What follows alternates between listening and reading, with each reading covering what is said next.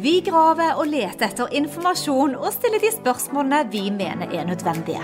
Vi er voksne jenter som søker kunnskap for å optimalisere helsen og kjenne mer på den følelsen det er å være 30 med energi, letthet og glød. Vi må tilbake til enkle grep. Vi kan endre våre geners uttrykk, og vi kan oppgradere livene våre. Jeg er Alette. Og jeg er Monica. Vi er gode venner og kollegaer, og vi legger sammen våre erfaringer og kunnskap for å inspirere deg til å bli din egen biohacker og optimalisere ditt liv. Vi ønsker å forstå hvordan kroppen selv kan heales, hvordan vi kan styrke intuisjonen, og vi ønsker å inspirere deg med trender og teknikker du kan bruke for å få en bedre helse. Vi ønsker å føle oss på topp hver eneste dag. Ja, og bære den gløden vi følte da vi var 30. Vi deler informasjon om life coaching, biohacking og fitness, og håper du vil føle deg inspirert og klar for å ta et tak og komme i den beste helsemessige form. Velkommen til Biohacking med Alette og Monica. Vi minner om at dere må snakke med egen lege eller kostholdsveileder om dietter eller andre spørsmål relatert til medisiner og supplementer. Informasjonen vi deler kan ikke bli brukt til å diagnostisere, behandle, forebygge eller kurere noen sykdommer eller tilstander.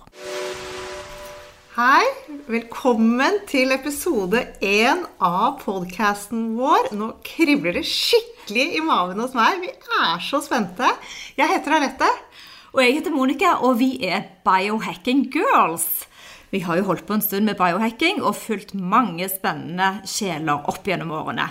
Det er ganske få kvinner i denne bransjen, og det er jo egentlig litt synd. Det vi kvinner er ofte litt mer in tune Altså, vi har jo en syklus, ikke sant, Alette? Det har vi. Ja, Så, så gjør at vi naturlig må håndtere litt forskjellige ting som cravings, lav energi, smerte Har ikke du òg det? dårlig. Ja, sove dårlig. Så med hver eneste måned pga. denne syklusen så må vi da finne løsninger og biohacke oss gjennom disse sirklene. Så, så vi er veldig spente på å lage nå en podkast med spennende temaer. og parallelt så har vi jo hatt covid-19. Det har vært lockdown, og Alette og meg har vært kreative. Og det har vært viktigere enn noensinne nå å finne noen løsninger på hvordan vi kan ivareta helsen, humøret og kanskje bygge immunforsvaret vårt. Så det vi ønsker med denne podkasten, det er å inspirere til bedre helse. Og det å stå litt i utfordringene som vi møter. For det er det en del av, ikke sant, Alette? Det er det så absolutt. Og samtidig så ønsker vi da å kjenne litt etter. For at du kan ikke bare gjøre ting og så rushe gjennom det. Du må føle litt hvordan ting virker på deg. Så dette med biohacking, det er ikke nødvendig at det, fordi én biohack virker på meg, så virker det på en annen. For det er veldig individuelt. Men målet vårt er altså å føle oss mer produktive, mer energiske og sterkere. For tenk deg da hvis du hadde hatt et liv der du slapp å springe til legen hele tiden, at du kunne kanskje finne ut av noen små heks som gjorde at du kunne ivareta helsen din. Hadde ikke det vært gøy? Tenk deg det. Et liv uten lege. Wow. Ja, ja, ja. Det er ikke alle som vet hva biohacking er, så la oss forklare litt. Eh, en biohacker, han, han hun, Han hun. manipulerer miljøet rundt seg og inni seg. Vi hacker kroppens biologi. Eh, Vi som er tilhengere av biohacking, vi mener at det er vi som påvirker og utvikler en bedre utgave av oss selv. Målet vårt er, som du var inne på, Monica, mer energi, bedre fokus og hukommelse. Vi ønsker å holde oss sykdomsfrie og smertefrie hele livet. Ja, vi vil ikke at alder skal hemme oss fra å prestere på topp. Vi har skikkelig hårete mål. En biohacker måler, tester, loggfører. Vi to deler erfaringer med hverandre og justerer. If you can't track it, you can't hack it. Exactly. Man trenger absolutt ikke å gå for det ekstreme. Så re som regel så er det de små tingene i hverdagen som du ønsker å endre på, som gjør de store forskjellene. Det du kan holde på over tid. Vi kan hele tiden justere hva vi spiser, hvordan vi lever, håndteringer av stress. Alle disse småtingene som er kjempeviktig å holde over tid. Og så er ting i endring, så det er ikke sikkert Det som virket i går, virker i morgen. Så vi må hele tiden justere. Altså rett og slett sjekke inn, ikke sant? Rett og slett Ja. sjekke inn. Mm. Og så huske på, det er ikke bare tallene, men hvordan du har det. Ja. Det er jo litt sånn at eh, biohacking har jo eksistert som et begrep. Det er litt fremmed for de fleste. fordi hva betyr nå biohacking? Og ja, eh, det å definere det er vanskelig, men, men det var et begrep som oppsto ganske sent på 90-tallet. Og det var, har sin opprinnelse i holistisk medisin. Det var computere og programmering som inspirerte en hel ny generasjon med biologer, faktisk, som ville hacke den genetiske koden og teste ut datateknologi på menneskekroppen. Og de hadde jo da ganske sånn under eh, bakken, tenker jeg, do it yourself-labs eh, med prøving og sikkert masse feiling og målinger, da. Så det er veldig spennende, for det har holdt på en stund. Eh, episenteret av biohackingen det er jo i California. Så mange av de vi følger, de eh, holder til der og utover, spredd utover i USA. Men det begynner å dukke mer opp nå i Europa. Vi eh, i Norge er fremdeles litt ukjente med begrepet, så vi syns det er utrolig spennende å sette fokus på akkurat dette. Og biohackere de fokuserer da generelt sett på tre kategorier. Den første kategorien er Nutri Geonomics. Og hva er det for noe? Ja, hva er det? Ja, det er så enkelt som maten vi spiser, hvordan den påvirker genene våre. Hvordan forskjellige vitaminer og næringsstoffer som vi tar til oss, hvordan dette, hvordan dette påvirker hvordan vi tenker, føler og oppfører oss. Så enkelt er det. Ja, og hele tiden tilbake til det, Alette, Ja. det med hvordan vi oppfører oss. Ja. For at, eh, Ja. Hvis man bare sitter der med hodet oppi en liten sånn eh, gadget og tror at all den målingen gjør at du får det store utslaget, så, så mister man hele Nei. målet med. ikke Ja. sant? Men eh, det er mange andre måter òg. Men den andre av disse kategoriene den heter do it yourself-biologi. ja. Forskere og eksperter har brukt tid på å finne ut av hvordan man kan bruke genetikken, men òg livskunnskapen, for å forbedre menneskekroppen og helsen. Og tredje eh, kategorien som biohackere fokuserer på, heter grinder. På norsk blir jo det å kverne. Biohackere bruker det som er av te- av teknologiske gadgets. eh, Og her er det jo også en rasende utvikling. Så jeg tror ikke vi engang har sett begynnelsen av hva vi kan begynne å teste. Men eh, nå har vi jo f.eks. sånne CGM-målere. Vi har Aura-ring, Whoop-bands, vi har Fitbit, og så har vi jo smartphonen vår, som er jo en egen liten gadget i seg selv, hvor du kan notere, og du kan se på alt mulig av eh, målbare ting. Eh, og så er det noen som går ganske ekstremt til verks, som både tar injeksjoner og implantater for å forbedre helsen sin. Vi er vel ikke helt der ennå, vi, Monica? Nei, men det er som du sier, at det er mange som ønsker å bli superhumans. Ja, sant? superhumans. Ja. Ja. og det er jo ikke helt vår ambisjon. Men den denne appen som vi har på telefonen vår her, Ja. som heter Helse Helseappen Helse. som er på alle Ja. Hva måler den, da? Hvis du går inn på den og setter den- den litt inn i den, så måler den absolutt alt. Ja. Den begynte med at det var skritt. Det var jo en stor hit. Den begynte den med. Det rimte bra. Ja, Skritt er en hit. er en hit. uh, og så måler den jo Du kan legge inn eh, parametere for søvn, um, Trening. treningen, hva du spiser Altså alt mulig kan du faktisk måle i den. Og så er den jo kompatibel med alle disse andre appene vi bruker for å trekke. Så det betyr at alle disse her gadgetsene, noen er gratis, Mm. noen koster penger, men de er tilgjengelige, og vi kan, de kan snakke sammen. Men så er det det. Det har jo aldri vært så mange livsstilssykdommer som det er i dag. Det er jo så paradoksalt, egentlig. For vi har internett, vi har eh, researchmuligheter, vi har forskning og masse testing til å finne ut Egentlig så burde vi klare å finne ut hva som er smart, og hva som ikke er smart. Så vi må jo spørre oss selv igjen og igjen. Hvorfor blir vi så utrolig syke? Og hva gjør oss syke? Fordi vi blir syke, og vi dør av kreft, av hjertesykdommer og nevrogenerative sykdommer sånn som Alzheimer og Parkinson. Men det som er, disse sykdommene de skjer ikke ak akutt. For de utvikler seg over tid, og det kan jo ta liksom 20, 30, 40 og kanskje 50 år til Ja, du det får den Ja, ja. Du vet jo sånn med Alzheimer, så er det det som skjedde for 40 år siden, som har satt i gang dette løpet. Så det er eh, noe å tenke på når man er ung. Det er altså så utrolig eh, tankevekkende, fordi at eh, når vi har symptomer på noen av disse sykdommene, da, de som er virkelig farlige, så kan det jo allerede være for sent. For det er deler av kroppen din, noen av organene dine har kanskje vært, som du sier, da, har lett belastet i ti år. Og så er det òg en tankevekker, og det er jo det vi holder på med. Vi forstår nye ting hele tiden. At uh, i Østen, f.eks., så går man gjerne til en lege når man er frisk. Altså Man kommer inn til legen sin hvert år på en friskmelding. For hvordan kan jeg bli enda friskere? Hvordan kan jeg ha det bra med friskheten min? Gud, så deilig. Ja. Mens her hjemme så kommer vi til legen fordi vi er syke. Og vi biohackere ønsker jo ikke akkurat det. Vi ønsker å teste mye selv. Ikke sant? Det ønsker vi. Og prøve eh, i tillegg, da, for det kan jo være ganske kostbart å teste mye selv. Så prøv å få mer, mest mulig bang for bucket, som det Yes. heter på engelsk. Og det, I tillegg så er det jo smart å ha litt sunn skepsis. Ikke gå fem på på alt du leser om. Gjør deg litt opp en mening på forskjellige tester. For det tester er det mye av. Vi tester via spytt øh, og via avføring. Hvor kult er ikke det? Og så ha den lille, lille begeret inn på toalettet, og så bare få akkurat puttet den biten du skal ha, oppi det tynne reagensglasset og sende av gårde.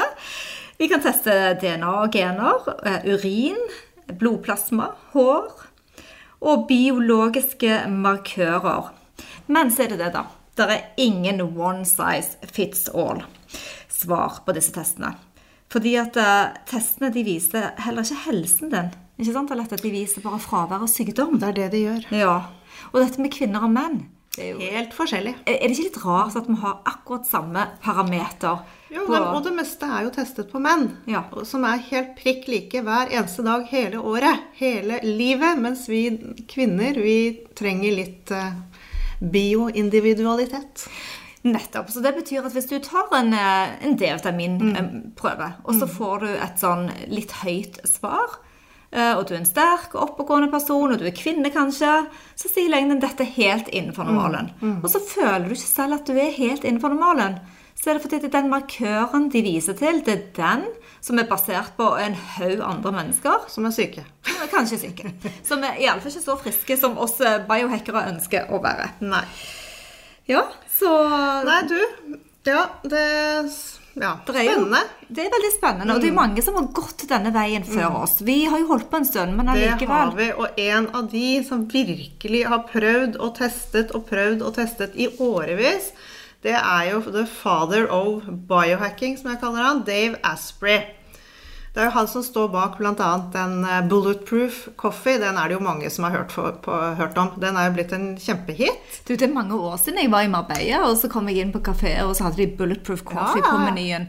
Og det synes jeg var litt For det, jeg må si at Spania ligger litt etter. Det Er de sånn som- Ja, det er ikke sånn som LA og Sydney. Det er liksom episenteret for helse. Ja. Og jeg, og det må være fem år siden. Og der hadde de altså Bulletproof. Ja. Så han har gjort det stort. Han har gjort det stort, og den Bulletproof kaffe, for dere som ikke vet hva det er, da, så er det traktekaffe med MCT-olje og smør som du svusjer rundt oppi blenderen din. Og så får du deg en skikkelig boost på, på hjernen sånn på morgenen. Men i hvert fall denne eh, Dave Asprey, da, the father of biohacking, som jeg liker å kalle han, han på 90-tallet jobbet han i Silicon Valley. Han var sykelig overvektig og fikk en hel liste med livsstilssykdommer og medisiner av legene sine. Og han følte seg shit, og han var bare i begynnelsen av 20-årene og tenkte dette, dette må hackes. Dette går ikke lenger. Så da begynte han sin reise, og det startet med den klassiske Eat less, move more som han startet med. Så han begynte å trene og trene og trene og spise mindre. Han ble veldig sterk, men som han sier, så gikk han ikke noe videre ned i vekt.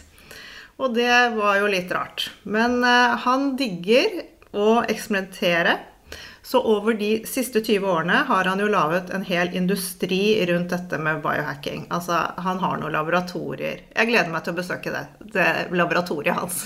Og vi er jo litt heldige som er sponset eh, med kaffe fra Ja. Bulletproof. Vi Ja. føler oss litt starstruck. Litt vel starstruck. En liten avtale der, Ja, ja. så det er kult. Dave Asprey han elsker å snakke om den makten biohacking gir oss som individer. Hvordan vi kan påvirke vår egen helse, er jo bare egentlig en kjempemakt Ja. vi har. Eh, og han drømmer, som oss, og i hvert fall ja, eh, om en verden der vi ikke er slaver av medisiner, av leger, men at vi kan bli eksperter på oss selv. Gjennom eksperimentering og biohacking. Ja, det som er så utrolig kjipt med disse medisinene, er jo at ja. hvis du først begynner på én medisin, Kommer du ikke ut av det? så er spiralen i gang. Mm. Sant? Det ene tar det andre. Så det er veldig viktig å ha sånne stemmer som Dave Asprey, og, og kanskje Som ikke er leger selv, som er liksom vanlige mennesker, føler jeg er bra. Ja. de, det er ikke en sånn hidden agenda der. Nei. Bortsett fra han selger jo mye, da. Ja, og det er klart at det er jo en ma- masseindustri. Ja, det er det. ja, ja. Men allikevel så er vi tilbake til eh, the, the ground course. Sant? Så vi Roteårsaken til det vi holder på med, og det er at vi har lyst til å optimalisere helsen vår. Så ja, og det er jo andre òg, da. Nå er jo ikke akkurat Angelina Jolie en biohacker, men hun gjorde et, faktisk et av de absolutt første biohacking-prosjektene når hun gentestet sitt DNA. Fordi hun fant ut at hun var bærer av dette forferdelige BRCA1, det verste av disse genene, med økt risiko for å få kreft både i bryst og eggstokker. Så har du det genet, så har du 70 større sjanse for å få kreft. Så hun fjernet eh, Ja, hun la inn implantater.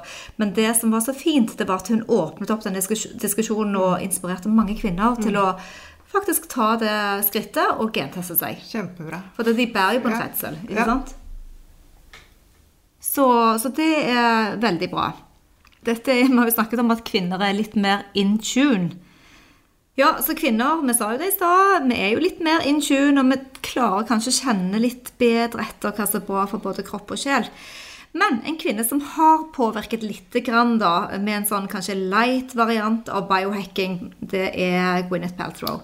Ja, hun fikk det jo virkelig ut til folket med den eh, Si hva du vil om den Netflix-serien, men hun Ja. fikk jo budskapet ut. Ja, så Goop de var jo ute med og introduserte mange ting.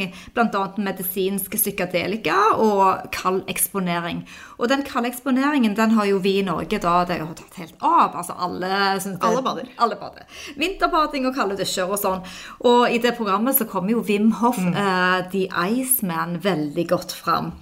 Så han har jo da jobbet med helsespørsmål og presset grensene helt i ytterkanten på hvordan han kunne liksom presse seg sjøl til å få disse heksene, målingene, på hvordan han kunne få et sterkere immunforsvar og få folk friskere. Og det meldes om så mange suksesshistorier. Men han har liksom en sånn metode som går i tre steg, da. Eh, Vi har jo prøvd det, det, det meste, men, eh, men du skal, det første du skal gjøre, er den der kontrollerte hyperventilasjonen.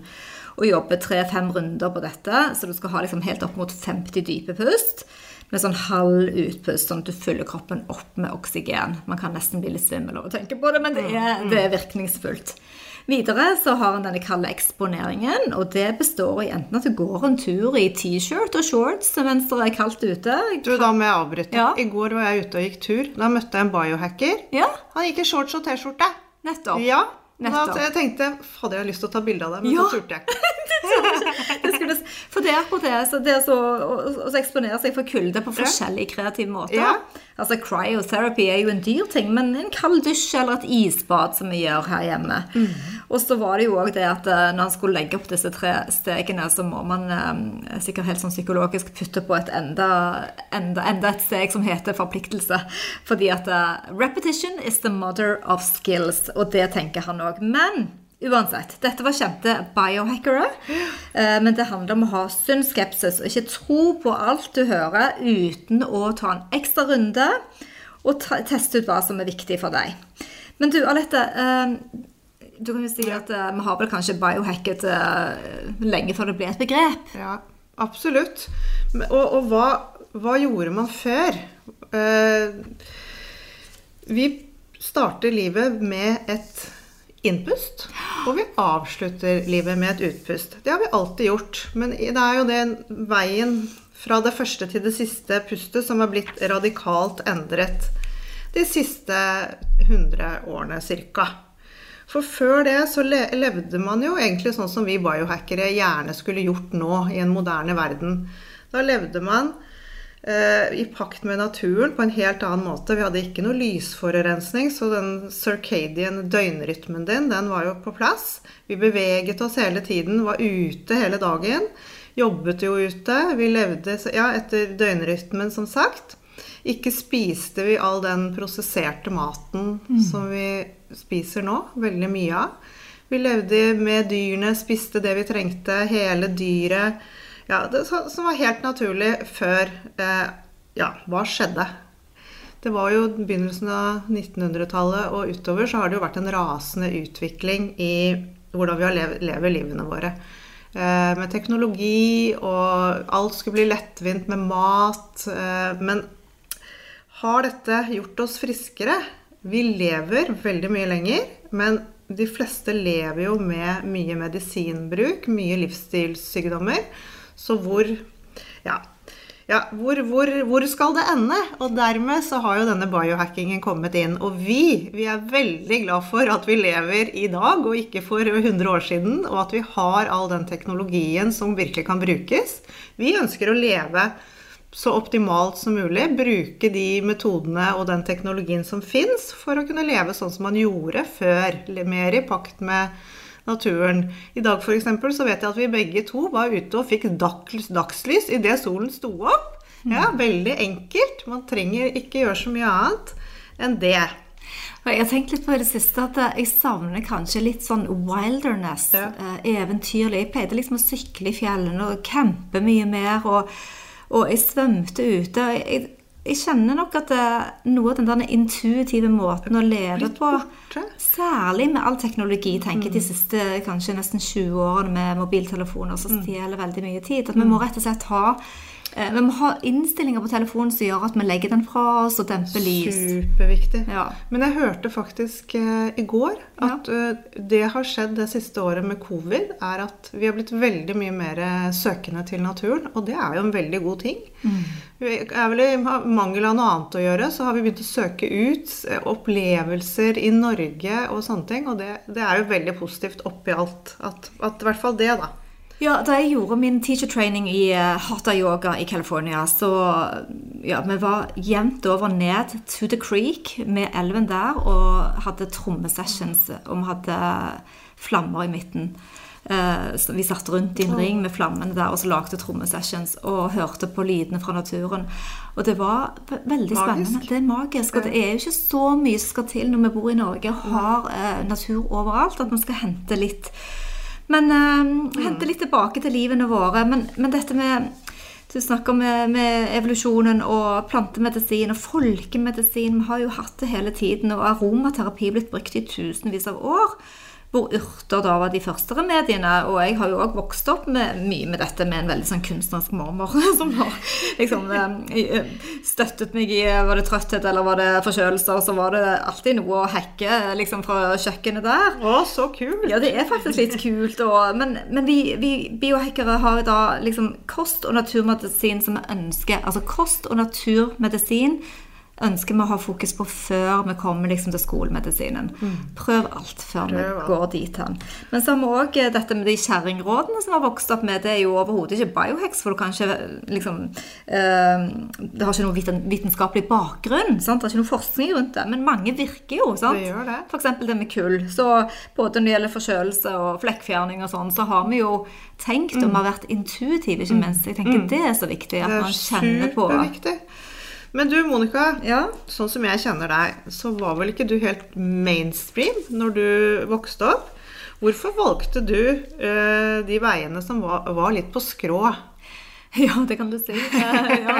Eller gjorde du det? ja, ja, jo. Ja, faktisk. Altså, sånn, jeg, jeg, nevnte bare at jeg vokste opp med en mamma som var kunstner. og, og det er det luktet veldig rart av plantegarn og urter hjemme hos oss. Fordi at, ja, det er sant, hun var billedvever sant? og ja, ja. plantefarget sitt eget garn. Så vi, vi, plukket bark og vi plukket moser og laget dette gjorde jeg da jeg var barn og holdt på med sånne ting. Men Syns du det var flaut når du var liten, eller syns du det var spennende? Jeg synes at når jeg hadde venninner med hjem til mormor, den lukten syns jeg kunne være litt Og så var det òg i atelieret hennes, hun var kunstner, og det var litt sånn terpentin og oljemaling, og det var spesielt. Men hun var så kul at folk likte henne veldig godt. Hun var liksom alles mormor. Alle kalte henne for mormor. sant? Så det, det, det, og, og, så er det en annen ting at uh, Jeg har vokst opp med hjemmestudde klær. Altså, familien min har vært veldig kunstneriske, heldigvis, da, for de har vært flinke til å finne løsninger. og så når vi skulle ha skoleball, og jeg var 16, og jeg fant en sånn Vogue-katalog og viste til mormor og gud, den kjolen der, ja, men den syr jeg til deg. Og det var liksom Wow. det vi kunne kalle haute-couture. Ja, det kunne ja, vært en hvilken Dolce Gabbana-kjole. Ja.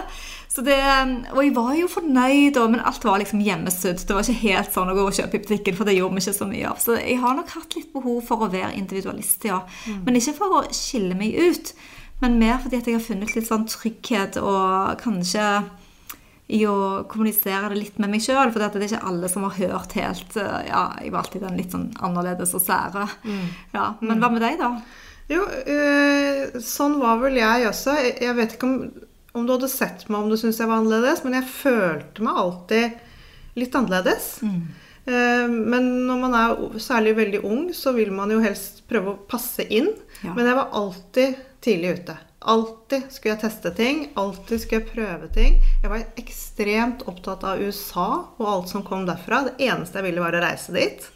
Så, det, så fort jeg kunne reise, så begynte jeg med det. Og jeg syns det var så lite i Norge. Ja. Men, eh, men bortsett fra det, så Jo, en annen ting jeg, som jeg helt intuitivt som husker så godt, var dette med frokost. Jeg hatet frokost. Og vi ble jo indoktrinert med at du kunne ikke gå på skolen uten å spise frokost. Og det var en sånn ting som det strittet imot alt inni meg. Så de få gangene jeg liksom slapp den, klarte å komme meg unna den frokosten, så kjente jeg på den klarheten og hvor mye lettere det var å gå på skolen enn når jeg hadde spist noe drit som jeg vokste opp med. Ja.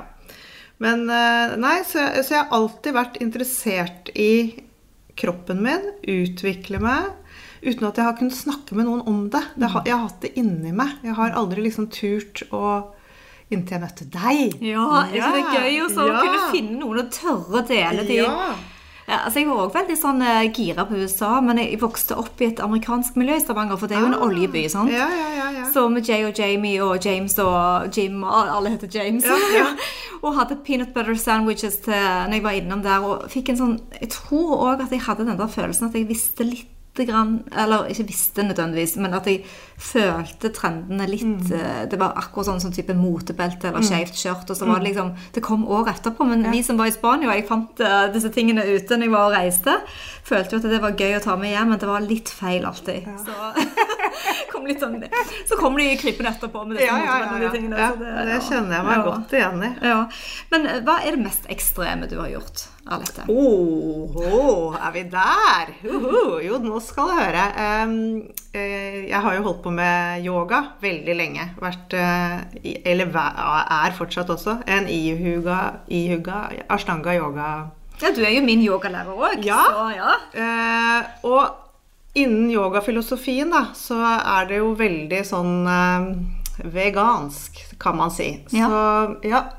Eh, ikke Do no harm er jo første budet eh, innen yoga. Og dette gikk jeg all in på. Eh, jeg gikk inn i et eksperiment om å være veganer i ett år.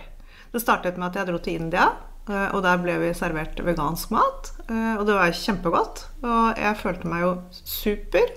Tok det med meg hjem, studerte masse. Jeg tenkte jeg må i hvert fall gjøre det riktig når jeg skal gjøre det. Eh, og dette holdt jeg på med et år, og etter hvert så ble jeg faktisk ikke så frisk lenger. Nei, hva Det, skjedde? nei, jeg begynte å merke det på håret. Ramlet av, dårlig hud og selvfølgelig kjempelite energi. Eh, Jo mer du spiste, jo mindre energi med oppblåsthet og så, sånne ting. Så når det hadde gått et år Men dette var en periode hvor jeg absolutt ikke gikk til legen og testet. Jeg bare kjente intuitivt på det. Så etter et år så fant jeg ut at dette, dette går ikke mer. Jeg må ha mer proteiner. Og jeg trente jo også, hadde jo høyt volum med trening og ja, bare Ja, så det, det tror jeg er nesten det mest ekstreme jeg har, sånn, har prøvd, som jeg klarte å stå i over tid. Ja, og det er jo eh, Og du, da? Jo, ja, Hæ? ja, jeg, Hva? Hva? Men jeg bare ville si det i forhold til å teste dietter, at det er tilbake til at det er ikke én oppskrift for eh, alle Nei. som vi må kjenne etter, og det er jo veldig bra at du gjorde. Nei, altså det mest ekstreme jeg har gjort, er nok når jeg testet superfood-dietten. Jeg jobbet sammen med David Sandoval, og dette var, dette var i 2009. Og han eh, skrev en bok som jeg oversatte til norsk og skrev forordet på. Og han hadde med seg wheatgrass og kale. Og etter hvert så der, ja. så etter hvert så kom jo alle de da altså Det, det kom jo på Supernature, eh, hans produkter inn der, da.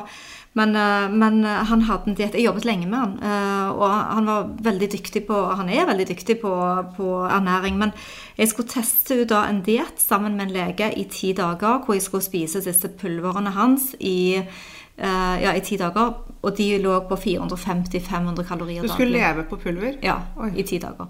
Og han kalte det for Superfood-dietten. Og han hadde laget den til fotomodeller i LA, Mm. som da skulle være så tynne som mulig, men de skulle ikke dø. De skulle Nei. kunne ha noe næring og, sånt, og ha litt energi.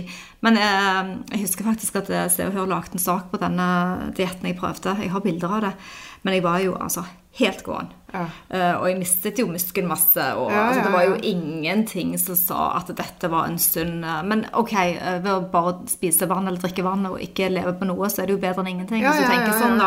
Så det var en fin test, men det var veldig ekstremt. Så, men du, når det gjelder trening og sånn, da, Mhm. Lette, vi er jo to trenere, vil jeg si. Absolutt. Er det noe spesielt som har kicket det inn i deg, sånn at du fra du var ung, Liksom? Du, vet du hva, jeg har faktisk rørt meg og trent hele livet. Ja, men med dine foreldre har det Ja, de, ja. vi var jo sånn Ja. vanlig norsk familie ut på langrenn, og Ja. du, må, ja, du må gå på langrenn. Og så var jeg var den eneste piken i min familie. Jeg, har vokst opp med veldig mye gutter, så da var det Jeg skulle på ballett, selvfølgelig. Så det begynte jeg med tidlig, og danset klassisk ballett helt til jeg var eh, 18. Eh, og så gikk jeg jo rett på high energy, Aerobic-fella? Aerobic-kvelden gikk jeg rett i, og så var det sats for alle pengene. Jeg elsker gruppetimer, og så ble det jo også min jobb etter hvert. Ja, med du også? Undervise. Men eh, jeg har alltid syntes det har vært gøy. Det har alltid gitt meg et kick, og jeg, jeg har et motto. En dag uten trening er en dag uten mening. Ja. Ja, vi må finne våre. Men, Ja. men trente du òg på high energy? Oh yes. Og ja, jeg gjorde sånn aerobic maraton på to og fire timer. Og, Ja, ja, det var sånn på lørdager. Så var det sånne skikkelig maratons. Det var det beste som var. Var Sosialt var det òg. Du, altså- du- og du er? Jo, altså, jeg tenker litt sånn at det er eh, flere faser. Når jeg var ung, og da tenker jeg når jeg var sånn tenåring Da var meg og de venninnene mine hjemme i Stavanger plutselig redde for at vi skulle få sånne hofter. Vi så på litt foreldre rundt omkring så de får sånne runde hofter. Og det var vi så opptatt av at vi ikke skulle få, for du får jo litt sånn valpefett når du er i den alderen der. Of fra liksom eh, tenåring til du skal begynne å studere. Så, så jeg trente og jogget mye med sånn slankefokus. Uh, og jeg har sikkert prøvd hver eneste diett uh, som fins på denne jord. Uh, jeg trenger ikke å ramse opp disse ananaskurene. Nei da. Uh, så, men, men som jeg ble litt eldre, da ung voksen eh, i 20-årene, så, så svømte jeg mye. Og jeg var sammen med en svømmer så det, på den tiden der eh, i Spania. Så jeg svømte mye, og jeg svømte òg utendørs på vinteren og hadde det er litt sånn ice bathing. ja, litt Wim Hoff eh, pre. Yes. already. Og da hadde vi disse varme kulpene, og så svømte jeg da hele vinteren gjennom. Hadde snø i håret, men jeg tok laps, og Ja. jeg var jo aldri syk. Var, det var virkelig, virkelig kult. Og da var jeg litt mer sånn Tilbake til det vi snakket om med wilderness, eh, Mm. og hadde, hadde mer lyst på opplevelser. Så Men det har jo gått litt i faser, for du har jo ikke vært eh, lik hele tiden, du heller. Nei, det, har, det endrer seg. Og ja, jeg har løpt, jeg har begynt på yoga, jeg har drevet med bartrening, jeg har drevet med styrketrening. Jeg har vært innom alt, det.